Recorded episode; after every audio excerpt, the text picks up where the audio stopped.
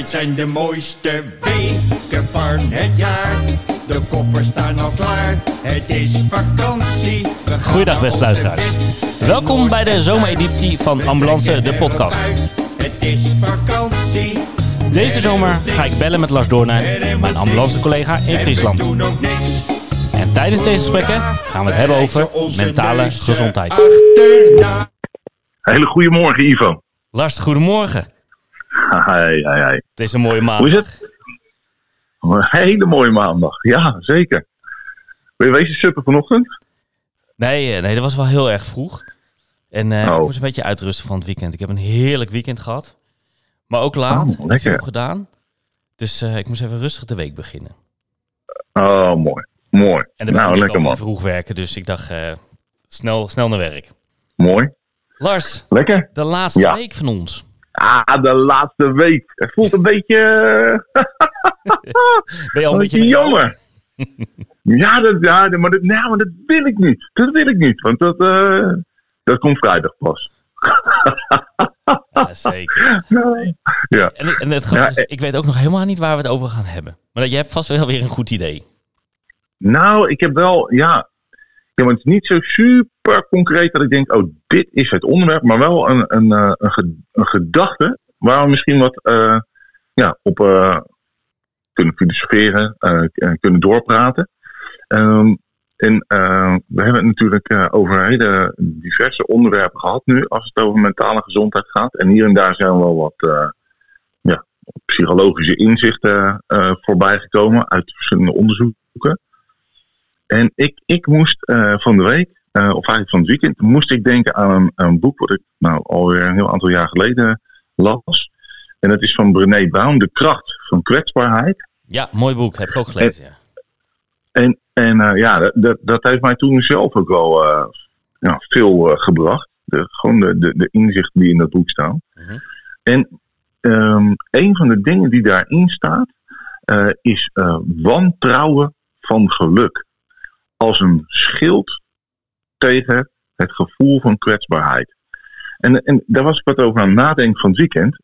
En toen dacht ik, ons werk ehm, brengt eigenlijk wel met zich mee dat als we eh, dat wantrouwen beoefenen, als, we, als wij onze kwetsbaarheid wat uit de weg gaan door geluk te wantrouwen, dan, dan zijn we eh, nou, daar al wat gevoelig voor. Maar ons werk kan het enorm versterken volgens mij. Dus ik dacht, dat is wel een mooi onderwerp om eens, we hebben maar een kwartier, eh, soort van uit te diepen. Ja, dat vind ik Wat een heel mooi plan. Want ik, ik ga mijn radertjes Ja? in mijn hoofd gaan meteen van... En dan denk ik, ja, je hebt gelijk. Je hebt gelijk. Oh, Dat Oké, oké, oké. dat. Ik, dat zie ik ook zo. Maar misschien moet ik Ah, het cool. Ja, ja, zeker, zeker. Oké. Ehm, niemand, nou dat is wel heel groot, maar niemand eh, voelt zich graag rot. En dan nog specifieker, schaamt zich graag. En eh, in, dat, in dat boek eh, over kwetsbaarheid en, eh, en over het kunnen tonen van moed. En, en waarom we dat soms wel doen, maar vaak ook niet. gaat, gaat, gaat zij, Brené Brown, heel diep in op schaamte. En, en schaamte, als we dat ervaren hebben, dan willen we dat niet nog weer ervaren. Ehm, en, en, en ja, daar- daar, kun je een heleboel eh, mechanismen voor ontwikkelen. Om ervoor te zorgen dat je niet in een situatie komt waarin je je schaamt.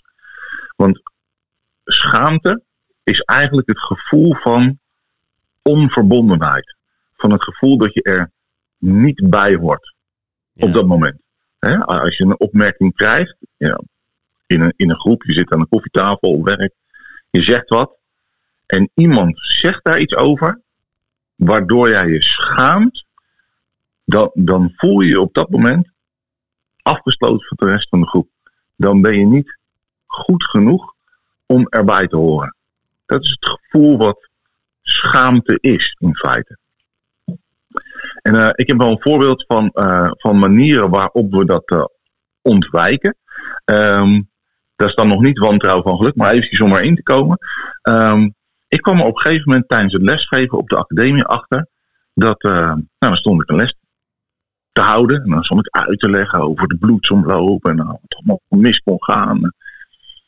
En dan, en dan keek ik die klas zo rond en zag iedereen heel overtuigd knikken en oh ja, schrijven en knikken. En dacht ik, ja, ik leg het echt heel goed uit. Want uh, ze snappen het allemaal. En op een gegeven moment zaten ze zo lang te knikken dat ik dacht, nou, ik geloof dit gewoon eigenlijk niet meer. Dus toen begon ik wat vragen te stellen. En toen bleek dat uh, datgene aan wie ik het vroeg, zei, ja, ja nee, dat, dat, uh, dat, dat weet ik niet. Dat, dat begrijp ik eigenlijk nog niet. Oké, ik zei, oké. Okay. Uh, gaf ik iemand anders even zo de beurt van, kun jij het uitleggen? En dat waren dan dingen die ik net behandeld had, waar iedereen heel erg hard ja op had zitten knikken. En uiteindelijk bleek dat niemand me begrepen had. nou, ik schaamde me toen niet. Dat is 80% van jouw leven, toch? Of niet? dat, dat was niet helemaal de kern van, van het verhaal. Maar de kern van het verhaal was dat iedereen deed alsof hij het begreep. Ja. En niet zei: Hé hey Lars, wat, wat zeg je nou, man? Je, je praat meer dan de helft van, van je woorden is Latijn. Kun je het ook normaal, hè? Even. Dus vanaf dat moment heb ik me gerealiseerd, oh, daar moet ik aandacht aan besteden. Dus ik zeg het gewoon. De eerste, de beste les dat ik een groep heb, zeg ik, jongens, als je iets niet begrijpt, of je denkt, hm, het klopt niet, of wat dan ook, dan, dan verwacht ik gewoon dat je het zegt. Ja. En al is het twintig of honderd of duizend keer in een les, eh, ja, dat geeft niet. Maar ik wil niet dat je ja knikt, terwijl je van binnen denkt, nou iedereen begrijpt het, dus maar dat is wel heel herkenbaar, hè? want ik heb dat ook wel eens gezeten. Dat je dan in zo'n, bij een congres zit of zo en dan zegt iemand wat en iedereen zit te knikken en dan denk ik van, dan durf ik bijna niet tegen hem te zeggen, ik heb geen idee wat hij nu bedoelt eigenlijk. En, Ja. en dan durf je die vraag niet te stellen. En dan hoor je toch iemand die dat wel durft wel te stellen. En dan zit de hele zaal van, ja, we snappen dat ook niet. Ja, dan- ja, ze snappen het allemaal niet. Snap je het allemaal niet? Ja, maar, maar en dat is dus een manier om schaamte te voorkomen. Ja. Ik weet nog, ik volgde een tijd eh, geleden. Door het niet bespreekbaar te Door het niet, door, door niet, ja, je, je spreekt het niet uit, dus word je er ook niet op afgerekend. Mhm. Dat, dan blijft het veilig en onkwetsbaar. Ja. Ehm, ik mocht een tijd geleden mocht ik de ALS-scholing eh, doen bij het MedCenter. En ja, die is eigenlijk voor verpleegkundigen. Alleen vanuit mijn docentschap mocht ik hem dan volgen. Ja. ja, dat ging qua niveau wel echt boven mijn pet natuurlijk. Dus ik zat daar en op een gegeven moment eh, ging het over hartritmes. En dan komt het plaatje van een ECG tevoorschijn. En eh, eh, de, de, de instructeur die vroeg, nou wat zie je hier voor ritme? En ik flapte hem er gelijk uit, boezemfibrilleren. En dan keek ik echt, al die, al die ogen die keken echt naar mij. Huh? Oh, waarom denk je dat? En toen dacht ik, waarom denk ik dat? En toen ging ik nadenken, waarom denk ik dat? Ja, ik zei, ja, het is onregelmatig. En eh, ja, dat dacht ik gewoon. Nou, bleek VF. maar, maar, maar het grappige was dat ik dacht, oh wat fijn. Ik, ik voel me niet geremd om gewoon te zeggen wat ik denk. En ik heb me in de rest van die eh, cursus ook steeds zo weten op te stellen. Maar het mooie is, daardoor leerde ik wel als een malle tijdens die cursus. Terwijl als je steeds je mond dicht houdt, dan ervaar je helemaal niet dat je er soms naast zit. Ja, want het gaat in je hoofd gaat dat heel snel. Als, als de vraag gesteld wordt en een andere cursist zegt dat is VF, Ja. dan kijk je er nog weer naar. Dan denk je, oh ja, dat zag ik ook. Dat zag je helemaal niet. Maar, snap je? Maar eh, we doen onszelf echt enorm tekort door weg te blijven van die kwetsbaarheid. En van met name van die angst voor schaamte. Nou, Ja. En in dat boek worden een aantal schilden benoemd. Hoe je je kunt wapenen met een schild tegen kwetsbaarheid. Om je niet te hoeven schamen. Ehm, en een van die schilden is wantrouwen van geluk.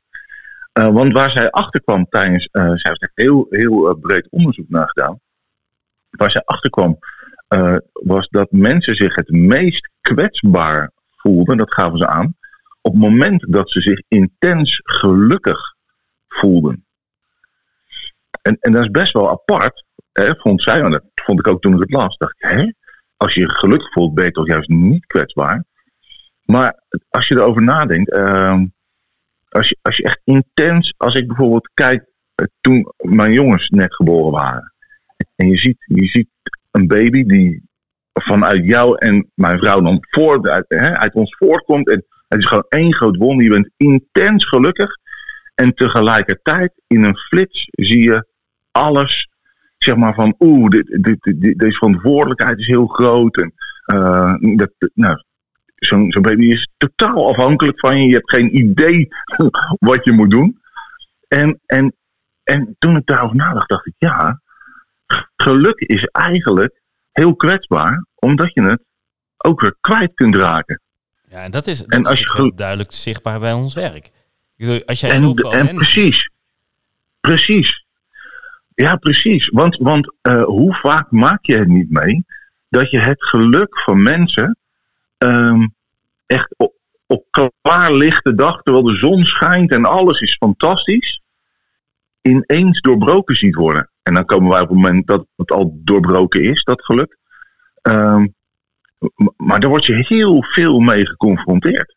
Ja. Ik, eh, weet, het grappige was, je hebt het een keer eerder gezegd in een podcast, eh, dat jij hè, wat kleuters bij een sluis zag en jij meteen vier MMP's Hmm. zag en zo. Omdat jij een Ja. voorbeeld daarvan hebt. Of, of, maar ik herken Ja. dat heel sterk. Dat, het, eh, dat op het moment dat je heel gelukkig bent, en dat is nu ook in mijn situatie van toepassing, twee kinderen die heel goed gaan, dat je als het ware soms, eh, ik zei het laatst nog tegen een vriendin, jeetje, het is alsof ik soms zit te wachten dat ik denk, ja, wanneer krijgen wij het ongeluk toegespeeld, Hmm. weet je? Want je ziet zoveel Hmm. situaties van mensen die ziek worden of, of terminaal terwijl ze jong zijn of een kind verliezen of eh, Ja. scheidingen of nou, noem maar op. En als je dan zelf in zo'n gelukkige periode zit, dan ga je dat inderdaad wantrouwen. Dan denk je, wanneer komt die klap? Wanneer kom, komt dat nieuws dat er bij ons ook eens een keer iets heel groots is? Ja, en, en ehm, je zou kunnen zeggen, ja, maar goed, dat geeft toch niet. Want eh, ja, als het dan gebeurt, dan ben je erop voorbereid. Maar het gekke is, je bent er nooit op voorbereid. Nee. Want, want, want zoiets komt nooit uit iets wat je verwacht. En eh, wat het erge is, dat wantrouwen van geluk maakt dat je niet intens kunt blijven genieten van dat mooie wat jou gelukkig maakt. En, en, en het gaat denk ik verder. Want als je geluk wantrouwt, dan ga je op een gegeven moment dat wantrouwen ook op niet alleen over datgene wat jou zelf gelukkig maakt, maar eh, als je nou naar ons werk bijvoorbeeld kijkt, dan ga je bijvoorbeeld ook de intentie van de ander wantrouwen. Want, want als, als iemand, eh, nou, er is op je werk bijvoorbeeld een bepaalde verandering. We gaan het anders doen, we gaan het zo en zo en zo doen.